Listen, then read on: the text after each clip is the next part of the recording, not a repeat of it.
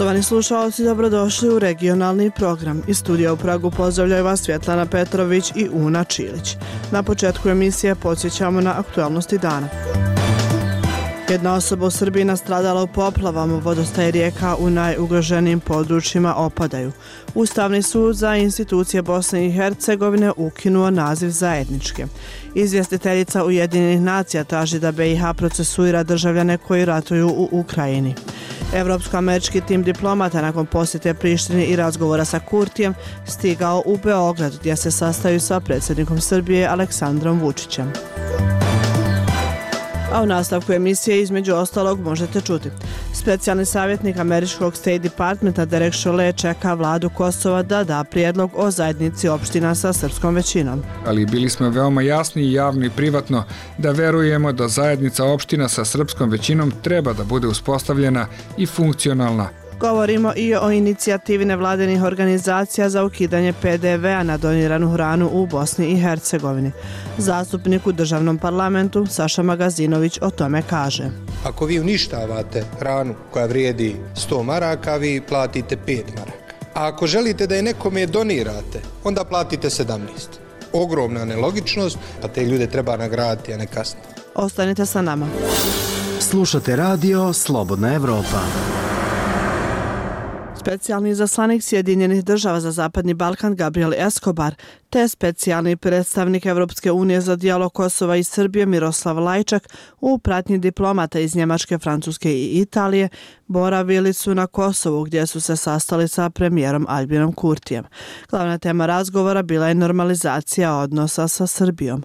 Detalje ima Sandra Cvetković. Specijalni izaslanik Evropske unije za dijalog Kosova i Srbije Miroslav Lajčak je u kratkoj izjavi novinarima nakon sastanka sa premijerom Kosova Albinom Kurtijem rekao da je glavna tema razgovora bio predlog o normalizaciji odnosa koji je vlastima predstavljen u septembru i decembru.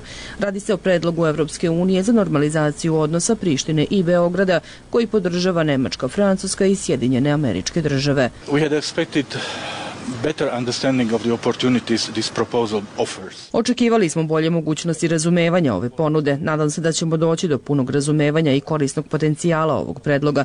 Nastavit ćemo da radimo na tome, rekao je kratko lajčak novinarima uz navode da je razgovor sa Kurtijem bio iskren i otvoren, ali da u ovom trenutku ne može da otkriva više detalja. Ukazao je da ova poseta pet stranih diplomata pokazuje da je međunarodna zajednica posvećena procesu normalizacije odnosa između dve strane. U timu su uz Lajčaka i specijalni izaslanik Sjedinjenih američkih država za Zapadni Balkan Gabriel Escobar, izaslanici Francuske Emanuel Bone, Nemački Jens Plotner i po prvi put je u delegaciji i italijanski izaslanik Francesco Talo, savjetnik premijera Italije. Cilj posete je da se pripremi održavanje naredne runde dijaloga na najvišem političkom nivou koji vode premijer Kosova Albin Kurti i predsjednik Srbije Aleksandar Vučić. Zvaničnici u Prištini su ranije ocenili da predlog Evropske unije, koji je u javnosti poznati kao francusko-nemački plan, predstavlja dobru osnovu za nastavak dijaloga sa Srbijom, dok vlasti iz Beograda poručuju da nije prihvatljiv jer podrazumeva priznanje nezavisnosti Kosova. U tekstu plana u koji je radio Slobodna Evropa ranije imao uvid, navodi se da dve strane treba da poštuju teritorijalni integritet, suverenitet i granice, zaštita nacionalnih manjina manjina se smatra kao osnovni uslov za mir. Takođe, dve strane bi trebale da priznaju državne simbole. Za radio Slobodna Evropa iz Prištine, Sandra Cvetković. U razgovoru za Radio Slobodna Evropa specijalni savjetnik američkog State Departmenta Derek Chollet rekao je da će konačni sporazum Kosova i Srbije zahtijevati teške izbore i političku hrabrost. Izrazio je nadu da će biti ostvaren napredak u procesu dijaloga za normalizaciju odnosa Kosova i Srbije. Sa njim je razgovarala Amra Zaineli. Uh, Kako komentarišete posljednju odluku vlade Kosova da ne dozvoli kretanje vozilima sa nelegalnim srpskim tablicama KM i sa obnovljenom registracijom? But with renewed registration. Well, unfortunately, this is the exact kind of step. Nažalost, to je upravo korak koji nismo želeli da vidimo. Prošle nedelje, kada sam bio u posjeti regionu, bio sam veoma jasan da Sjedinjene američke države radeći sa svojim evropskim partnerima žele da izađu iz krizne diplomatije gde samo idemo iz jedne krize u drugu kako bismo pristupili poslu i krenuli napred u procesu dijaloga koji vodi i u kome posreduje Evropska unija ka normalizaciji zasnovanoj na uzajemnom priznanju. Mislim da ovi koraci u poslednja 24 sata koje je najavila Priština nisu dosledni ni slovu ni duhu dogovora postignutog krajem novembra 2022. kojim je okončana prethodna kriza. Mislimo da unilateralne poteze ne bi trebalo da najavljuje ni jedna strana i trebalo bi da imamo koordinisan način na koji treba da se krene napred, tako da ovakve stvari ne bi dovele do krize koju zaista treba da izbegnemo i odvratile pažnju sa važnog posla, odnosno dijaloga. Ovog petka održava se veoma važna sesija sastanaka koji će okupiti na jednom mestu savjetnike za nacionalnu bezbednost Nemačke, Francuske i Italije, zajedno sa predstavnikom Evropske unije i Gabriela Escobara, predstavnika State Departmenta za Zapadni Balkan. Representative for the Western Balkans here from the State Department After your most recent visit to Kosovo and Serbia, Nakon vaše posljednje posete Kosovu i Srbiji, možete li podeliti vaše utiske o tome da li su dve države spremne i da li mogu da se dogovore oko bilo čega što ima veze sa konačnim sporazumom? Yes, I, I saw Da, ja sam video razloge za nadu u razgovorima i u Prištini i u Beogradu, ali to će zahtevati teške izbore i političku hrabrost. Ono što sam želeo da bude jasno i liderima u Prištini i u Beogradu jeste značaj koji SAD pridaju ovom procesu. Nada koju imamo u ovoj procesi moguće prilike koje se mogu ukazati za Kosovo i za Srbiju ukoliko uspeju da nađu način da normalizuju svoj odnos. Mislimo da je evroatlantski put i za Kosovo i za Srbiju tu i želimo da vidimo kako se kreću napred tim putem, ali to će biti teško dokle god ovo pitanje ostaje nerešeno. Zbog toga ćemo mi uraditi sve što možemo kako bismo pokušali da pokrenemo ovaj proces napred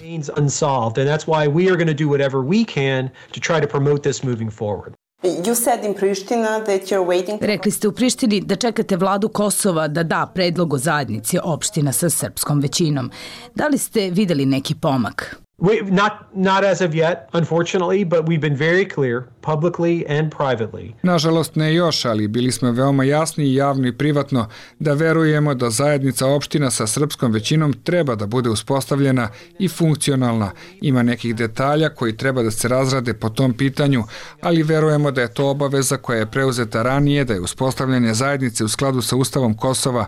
Veoma smo jasno rekli našim kolegama u Prištini da to nije nešto poput entiteta Republike Srpske, da SAD ne bi to prihvatili, da to nije ono što mi guramo ali čuo sam direktno od lidera Srba na severu Kosova o značaju koji oni pridaju uspostavljanju zajednice opština sa srpskom većinom, u smislu da se oni osjećaju na neki način distancirano od odluka koje se donose od njihovoj zajednici i da žele da budu deo procesa u kom bi preuzeli više odgovornosti za svoju budućnost.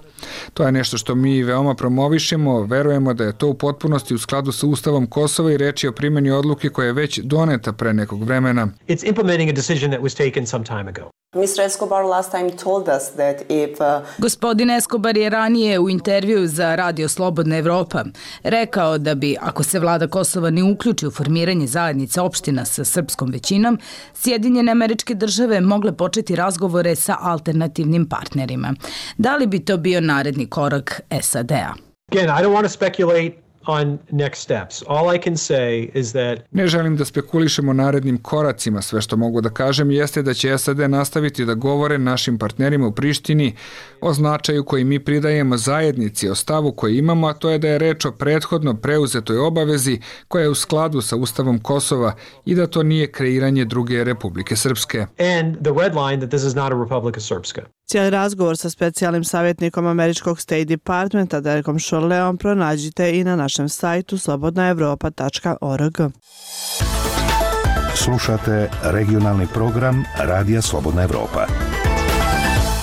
U Srbiji je pronađeno tijelo jednog od dvojice muškaraca koji su 19. januara upali u rijeku Trnavicu, potvrđeno je za Radio Slobodna Evropa u štabu za vanredne situacije Novog pazara. Oni su upali u nabujalu rijeku tokom postavljanja džakova sa pjeskom ispred svojih kuća. O situaciji u Novom pazaru Amela Bajrović razgovarala je sa rukovodiocem Odjeljenja za vanredne situacije u Novom pazaru Ismailom Dupljakom. Kakva je trenutna situacija u Novom pazaru? A, mogu da kažem da se rečna korita a, sada dobro u odnosu na jučerašnju situaciju, odnosno nivo vode je opao na sva tri rečna korita koja su predstavljala potencijalnu opasnost za izazivanje šećih posljedica po imovinu i živote naših građana u Novom pazaru.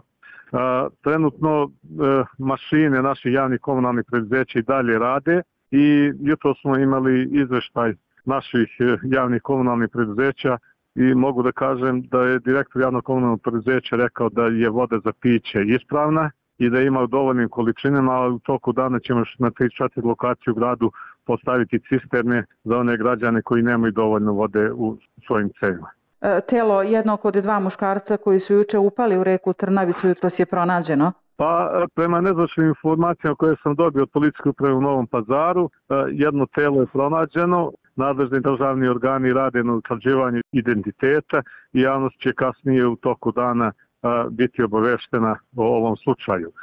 Ronioci, ronilački tim žandarmerije ministarstva zaštitnih poslova je na terenu i oni su uključeni i bave se daljom pretragom terena kako bi i telo druge žrtve pronašli. E, inače, ostale ekipe su sve na terenu i u pripravnosti, eto, ukoliko Naravno, se nastavi i dalje ovo nevreme. Naravno, svi smo u pripravnosti i mi ćemo danas toku dana da imamo još jednu sednicu gradskog štaba gdje ćemo da izdamo naredbu da sa, svi subjekti posebno značaja i dalje rade na čišćenju i sanaciji terena, na produbljivanju rečnih korita, utvrđivanju uh, rečnih obala i čišćenju antierozivnih brana, sve do onog nivoa dok rečna korita i brane ne budu osposobljene da prime što veću količinu vode i e, ne predstavljaju više opasnost za građane i da izazivaju poplave. Što se tiče rada ovdešnjih srednjih škola? U srednjim školama i u opšte obrazovanju i o radu škola nismo o tome razgovarali jer mislim da ne postoji potreba da se prekida rad škola. Tokom jučerašnjeg dana vodostaj rijeke Drine u okolini Bratunca u Bosni i Hercegovini bio je u blagom porastu, pa je tokom noći došlo do dodatnog plavljenja oranica i pomoćnih objekata. Danas je nivo Drine u blagom opadanju. Situacija u okolini Bratunca je pod kontrolom, ali je poplava prema onome što se vidi na terenu načinila ogromne štete posebno na poznatom izletištu Rajska plaža gdje su uništeni svi objekti i sportski tereni.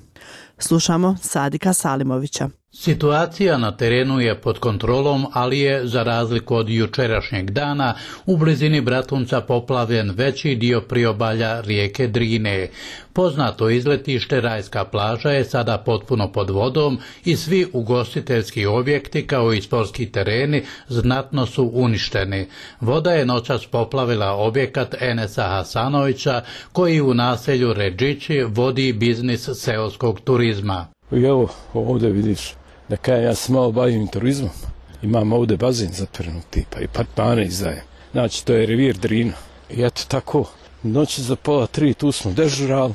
I evo sad saniramo ovo šta je bilo. 2010. je bilo, vidiš gore gdje je ulaz onaj u bazen, eno, gore vrh stepenica, dotle je bilo. 2014. je bilo ovako. Po dobro, jeste, materijalna šteta je velika, ljudski nema uglavnom. Sanirat ćemo. Radinka Mlađenović iz naselja Krasampolje ističe da je za 54 godine upamtila desetak poplava na ovom području. Pa bilo je puno puta, nije znam. Bije nekad malo, ali odiđi, znaš. Ali bilo je, Boga mi sve obje rake. Eto, samo ovo usjeva malo i čovjek ove godine usjeva i ječam i eto. To su popravili, očistili, sad opet mulje i eto. Drina je uništila mnogo objekata, poplavila voćnjake i malinjake i odnijela sjena iz polja, kaže za naš radio Čamil Bajraktarević iz Ređića. Pa uništila, eto vidiš, ima goramo ljudi sjena što nije taj. Pa još gore je bilo 2010. Dala mi je već bilo da izađe na cestu. Dala mi. Štab za vanredne situacije opštine Bratunac održao je danas još jedan sastanak u cilju praćenja situacije i preduzimanja mjera ako dođe do porasta vodostaja rijeke Drine. Zlatko Simić, komandir vatrogasne spasilačke jedinice Bratunac. Vodostaj rijeke Drine u blagom blagom opadanju, što, što će rezultirati povoljnoj situaciji danas u toku dana. E, naše ekipe su na terenu, bilo je par mjesta kritičnih, to je e, sa ovim manjim pritokama koje se ulivaju u Drinu, gdje, gdje smo imali porast vodostaja u obližnim naseljima. Na svu sreću nije došlo do ulaska vode u, u te stambene objekte, situacija je jutro dosta povoljnija. Glavni apel je stanovništvu da ne bez preke potrebe ne prilaze tim vodotokovima jer je i dalje situacija izuzetno opasna sa tom količinom vode. Za radio Slobodna Evropa iz Bratunca, Sadik Salimović. Višednevno nevrijeme i ogromna količina padavina u Crnoj Gori pokrenuli su klizišta, ugrozili objekte, potonuo je dio regionalnih, a naročito lokalnih puteva, dio rijeka se izlio iz svojih korita. Posebno je teška situacija na sjeveru Crne Gore. Na terenu su službe spašavanja, vojska i policija, a vlada Crne Gore je najavila pomoć ugroženima. Izvještava Srđan Janković. Sve službe spašavanja na Primorju i ronilačka služba već treći dan tragaju za djetetom kojeg je povukao talas u more za vrijeme nevremena i orkanskog juga u Herceg Novom. U potragu za 13-godišnjim dječakom uključio se i Frontex, Evropska agencija za zaštitu granica, koji helikopterom opremljenim specijalizovanim uređajima za noćno osmatranje pretražuje Hercegnovski zaliv. Snažno nevrijeme i obilne kiše podigle su vodostaj rijeka u čitavoj Crnoj Gori, a najteže je pogođen sjever Crne Gore gdje su se rijeke izlile iz korita i poplavile pojedina naselja, Obilna kiša izazvala je bujice, pokrenula klizišta koja su odnijela dijelove puta i manje mostove, a veliki odroni zemljišta otežavaju saobraćaj na magistralnim putevima. Prema navodima Ministarstva unutrašnjih poslova, uslijed jakih padavina ugroženi su objekti, mostovi i putevi u većini opština na sjeveru, Bijelo polje, Mojkovac, Plav, Berane, Rožaje, Gusinje. Dodaje se da su na terenu pripadnici policije i timovi za spasavanje, Poplave i posljedice bile su tema na početku sjednice vlade na kojoj je državni sekretar Ministarstva kapitalnih investicija Admir Šahmanović rekao Posebno ističem ovaj e, plavi gusinje koje nisu ni medijski najadekvatniji ispraćeni, da su da je došlo do velikih oštećenja puteva i kuća, da su ljudi u strahu, da ne smiju da zanoće u svojim kućama i molim da, da, ova, da, se, da se vlada, da prestane da se oglušava na nove apeli, da se nađe način da se pomogne kako finansijski, tako i, i kroz, neke druge, kroz neku drugu logističku podršku kako bi se prebrodila ova kriza na, na najbolji način. Ministar unutrašnjih poslova i koordinator Ministarstva odbrane Filip Adžić je saopštio da su angažovani pripadnici Vojske Crne Gore. Da smo i negdje kao vlada preduzeli za sada sve ono što je bilo u našoj moći i u pripravnosti stavili Vojsku Crne Gore, nekih 150 pripadnika je stacionirano na e, različitim lokacijama i u pripravnosti su i spremni su da reaguju koliko bude bilo potrebe. Očekivali smo obilne padavine koje smo i najavili građanima, ono što svakako jeste problem, to je ta divlja gradnja i jeste problematično ono što negdje građani ne percipiraju prilikom izgradnje svojih e, objekata, vjerovatno zbog određene uštede. A ministar Zoran Miljanić je ocijenio da je infrastruktura ozbiljno oštećena. U Beranama je zbog visokog vodostaja i izlivanja rijeke Lim poplavljeno izbjegličko naselje Riverside sa oko 400 stanovnika, U pljevljima se iz korita izlila rijeka Čehotina i poplavila dio imanja u tamošnjim naseljima. Predsjednik Komisije za elementarne nepogode Mojkovca Ivan Ašanin je ocijenio da je šteta u tom gradu prema prvim procjenama oko milion eura. Građani Podgorice i više drugih gradova su pozvani da se ne približavaju rijekama zbog visokog vodostaja i nevremena, a Podgorička lokalna uprava privremeno je zatvorila šetališta uz Moraču koja prolazi kroz centar grada. U više crnogorskih opština uslijed obilnih padavina došlo je do zamućenja vode, pa je iz gradskih vodovoda saopšteno da voda nije za piće uz preporuku da se prije upotrebe prokuva. Zbog odrona je saobraćaj na autoputu Princeza Ksenija dozvoljen samo za putnička vozila koja prolaze na izmjenično, a autobusi i kamioni se upućuju na magistralni put Podgorica Kolašin preko Platija. Za radio Slobodna Evropa iz Podgorice Srđan Janković. Ovo je regionalni program Radija Slobodna Evropa. Slušajte nas svaki dan u 18 i 22 sata. Bosna i Hercegovina će tokom ove godine izvršiti popis stoke, štala i poljoprivrednog zemljišta, dok je popis stanovništva domaćinstava i stanova upitan. Posljednji popis stanovništva bio je 2013. godine, tri godine nakon većine zemalja svijeta. Tada je kasnio zbog političkih nesuglasica, a glavni spor bio je hoće li se brojati i oni koji žive i rade izvan BiH. Ovo je tema Predraga Zvjerca. Sredstva za popis stanovništva nisu tražena, te time nisu uključena u budžet institucija Bosne i Hercegovine za 2023. godinu, potvrdili su iz Državnog ministarstva financija za Radio Slobodna Evropa. Prvi posljeratni popis u Bosni i Hercegovini održan je 2013. godine, a rezultati su objavljeni tri godine kasnije. U većini zemalja popis stanovništva se vrši svakih 10 godina početkom nove dekade.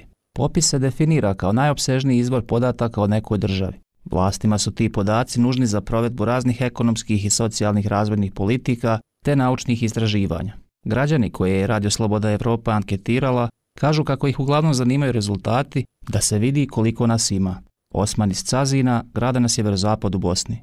Se vidi koliko ima stanovnika, koliko ima pola kojega i tako. Nedim iz Mostara, središta Hercegovine. Pa valjda bi trebalo da se zna da imamo evidenciju ne samo broja stanovnika u gradu, već zanimanja, starostna struktura, uzra i ostalo. Za provođenje popisa stanovništva nužno je donijeti poseban državni zakon. Za popis je nadležna Državna agencija za statistiku Bosne i Hercegovine, doga na terenu provode entitetski zavodi za statistiku Federacije Bosne i Hercegovine i Republike Srpske. Državna agencija uradila nacrt zakona i dostavila ga entitetskim zavodima da i oni o tome daju svoje mišljenje. Entitetski zakoni su utvrdili da prijedlog zakona ne može ići u parlament jer u tom prijedlogu nema ključnih pojedinosti, pored ostalih datuma početka popisa, popisnih pitanja i budžeta. Emir Kremić, direktor Zavoda za statistiku Federacije BiH. Znači, kada vlast Bosne i Hercegovine odluče, on će donijeti odluku od počinjanja popisa stanovništva. A statističke institucije su u prethodnih dvije, tri godine rade na svim pripremama. Dakle, neophodno je donijeti zakon o popisu stanovništva kojim bi se uredilo sve aktivnosti. To je sad u ovom trenutku pitanje za vijeće ministara ili agenciju za statistiku Bosne i Hercegovine. Popis poljoprivrede planiran je da se realizira krajem ove godine. Posljednji cjelovit popis poljoprivrede je proveden 1960. godine u doba Federativne Jugoslavije. Popisuju se gazdinstva, zemljište, oranice, pašnjaci, voćnjaci, ribnjaci, broj stoke, peradi ili pčelinjih košnica. Prema prijeratnom popisu iz 1991. godine, u Bosni i Hercegovini su živjela oko 4,3 miliona stanovnika. Prema rezultatima popisa iz 2013. u Bosni i Hercegovini živjelo oko 3,5 miliona stanovnika. U političkom smislu popis stanovništva u Bosni i Hercegovini je bitan jer se broj ministara i zaposlenih iz određene etničke skupine, Bošnjaka, Hrvata, Srba i ostalih, određuje po njihovom broju na osnovu popisa iz 1991. Tako je definirano Ustavom BiH i Dejtonskim mirovnim sporazumom jer se smatralo da će to potaknuti povratak izbjeglica u prijeratna mjesta stanovanja. Na nekim nivoima vlasti ili institucijama zakonski se mora poštovati zastupljenost po posljednjem popisu, a trenutno se primjenjuje ona iz 2013. godine. Za Radio Slobodna Evropa iz Sarajeva, Predrag Zvjerac. Milioni dodatnih obroka mogli bi napuniti stomake korisnika javnih kuhinja u Bosni i Hercegovini ukoliko bi njen vrh ukinuo porez na doniranje hrane. Znate li da je skuplje pokloniti hranu nego je uništiti? Šest nevladinih organizacija zbog toga je oblikovalo inicijativu za ukidanje PDV-a na doniranu hranu pred istekom roka. A više o tome slušajte u priči Marije Đurić. Damir Čaušević, prevodilac i turistički vodič bez posla, već deset godina jedini topli obruk dobije iz pučke kuhinje kruh Svetog Ante u Sarajevu. Da nije bilo ove kuhinje moje, ja, ja ne bi preživio. Baš kao i Damir, svaki dan skoro 18.000 posanaca i hercegovaca ovisi o obroku iz narodnih kuhinja. Istraživanje UNDP-a pokazalo je da 52 javne kuhinje sada imaju 500 korisnika više nego u 2021. Mjesečno se podijeli skoro pola miliona toplih obroka. Šest nevladinih organizacija pod vodstvom fondacije Mozaik oblikovalo je inicijativu za ukidanje poreza na dodanu vrijednost na doniranu hranu pred istekom roka. Aida Vežić, koordinatorica programa za filantropiju Mozaika, kaže da je cilj nahraniti gladni u BiH. Vidimo da imamo dovoljne količine hrane i da trebamo da preusmjerimo hranu umjesto da se ona uništava, da ona ide u roku, znači dok je hrana sigurna za ljudsku upotrebu, da ide eh, ka javnim kuhinjama i onima kojima je potrebna. Inicijativa je pretvorena u nacrt zakona o izmeni PDV-a. Prvo o njemu treba odlučiti upravni odbor Uprave za indirektno oporezivanje, zatim vijeće ministara BiH i na kraju državni parlament. Interes da doniraju imaju i distributeri i proizvođači hrane, ali im je po važećim zakonima jeftinije uništiti nego donirati, što je absurdno, smatra Saša Magazinović, zastupnik u zastupničkom domu parlamenta BiH. Ako vi uništavate hranu koja vrijedi 100 maraka, vi platite 5 maraka. A ako želite da je nekome donirate, onda platite 17. Dakle, ogromna nelogičnost. Mi smatramo da donacija treba biti nula maraka. Dakle, nema kazne za onoga ko donira, pa te ljude treba nagraditi, a ne kasniti. Unatoč porezu donacija ima, priča nam Krešimir Ljubas, tajnik humanitarno-karitativne organizacije Kruh Svetog Ante Sarajevo, ali bi ih moglo biti više jer osim hrane narodnim kuhinjama je potrebno i ljudstvo i oprema. Činjenica je da, da pojedine kompanije društveno odgovorne da i sad doniraju bez obzira što, onaj, što moraju da plate PDV na tu ovaj, hranu. Ako se to uspije usvojiti, ovaj, mislim, kvalitet hrane u svim kuhinjama će se značajno poboljšati. Tijekom 2020. u BiH uništeno je hrane u vrijednosti skoro 65 miliona eura. To je 140.000 tona, odnosno 280 miliona obroka. Da pučka kuhinja Kruh Svetog Ante nahrani Damira još 350 korisnika o kojima brine, trebaju 7-8 tona hrane mjesečno. Ovdje se osjeća kao da dolazim kući, kao da idem e, doma. Volim ih što je, drago mi da ih vidim svaki dan, eto, to je to. Od ukidanja poreza na doniranu hranu pred istekom roka trajanja, država ne bi imala korist. Preduzeća bi uštedjela 6,3 miliona maraka na uništavanju hrane, ali bi svi gladni bili siti, pokazuje mozaikovo istraživanje. Za radio Slobodna Evropa iz Sarajeva, Marija Đurić. Zanima vas što se dešava u regiji? Sve možete naći na slobodnaevropa.org. Najnoviji događaj u Hrvatskom saboru ponovo otvara pitanje govora mržnje u hrvatskom društvu. Premijer Andrej Plenković zamolio je zastupnicu HDZ-a da se ispriča za riječi upućene zastupnici Ljevice, a poznavatelji kažu da se političari koriste govorom mržnje onda kada nemaju ništa drugo ponuditi. Pripremio Enis Zebić. Političari pribjegavaju govor mržnje, vjerujući da će tako dobiti političke bodove, ocijenio izjavi za naš program predsjednik Savjeta za nacionalne manjine Aleksandar Tolnauer, nedavni istup HDZ-ove zastupnice Majde Burić, koja je za zastupnicu krajnje ljeve oporbene radničke fronte Katarinu Peović rekla da ima rusoljubno, a vjerojatno i srboljubno srce. To je nešto što se u narativu političkih čimbenika nije promijenilo jer nisu našli druge sadržaje. Ovo što je ova zastupnica izvolila izjaviti je nešto s čim je ona sve pokušala dodvoriti takvom načinu percepcije stvari. Nakon što je Katarina Peović, koja je jedina od 153 saborska zastupnika koja nije glasala za rezoluciju u kojoj se osuđuje ruska agresija na Ukrajinu, iznova optužila Plenkovićevu vladu da je kvislinška, odgovorila joj je HDZ-ova zastupnica Majda Burić. Ona je kazala da Peović kontinuirano laže i pokazuje svoje rusoljubno, a vjerojatno i srboljubno srce.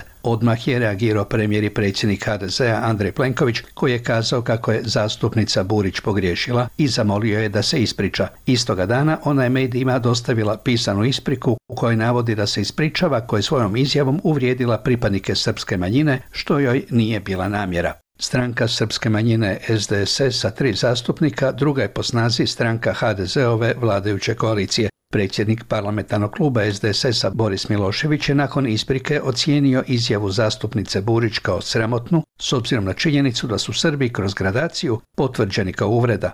On je rezignirano konstatirao kako to nije nikakvo iznenađenje. Ako nekog želiš uvrijediti, da mu kažeš Srbine.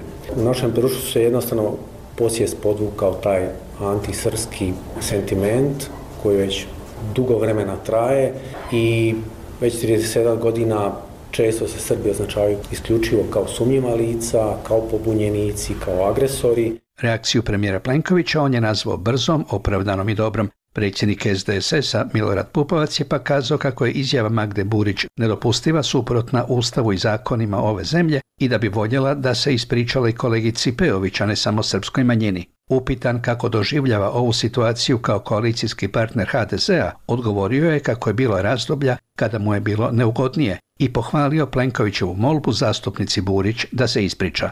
Ne znam koji je to premijer ili predsjednik HDZ-a tako promptno reagirao na tu vrstu izjava. Za radio Slobodna Evropa iz Zagreba, Enis Zajebić.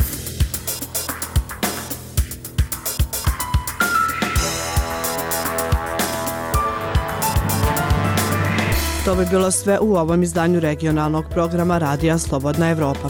Sve aktualne informacije možete pratiti na našem sajtu slobodnaevropa.org kao i na našim društvenim mrežama Facebooku, Twitteru, Instagramu i YouTubeu. Sa vama su bile Svjetlana Petrović i Una Čilić. Do narednog slušanja.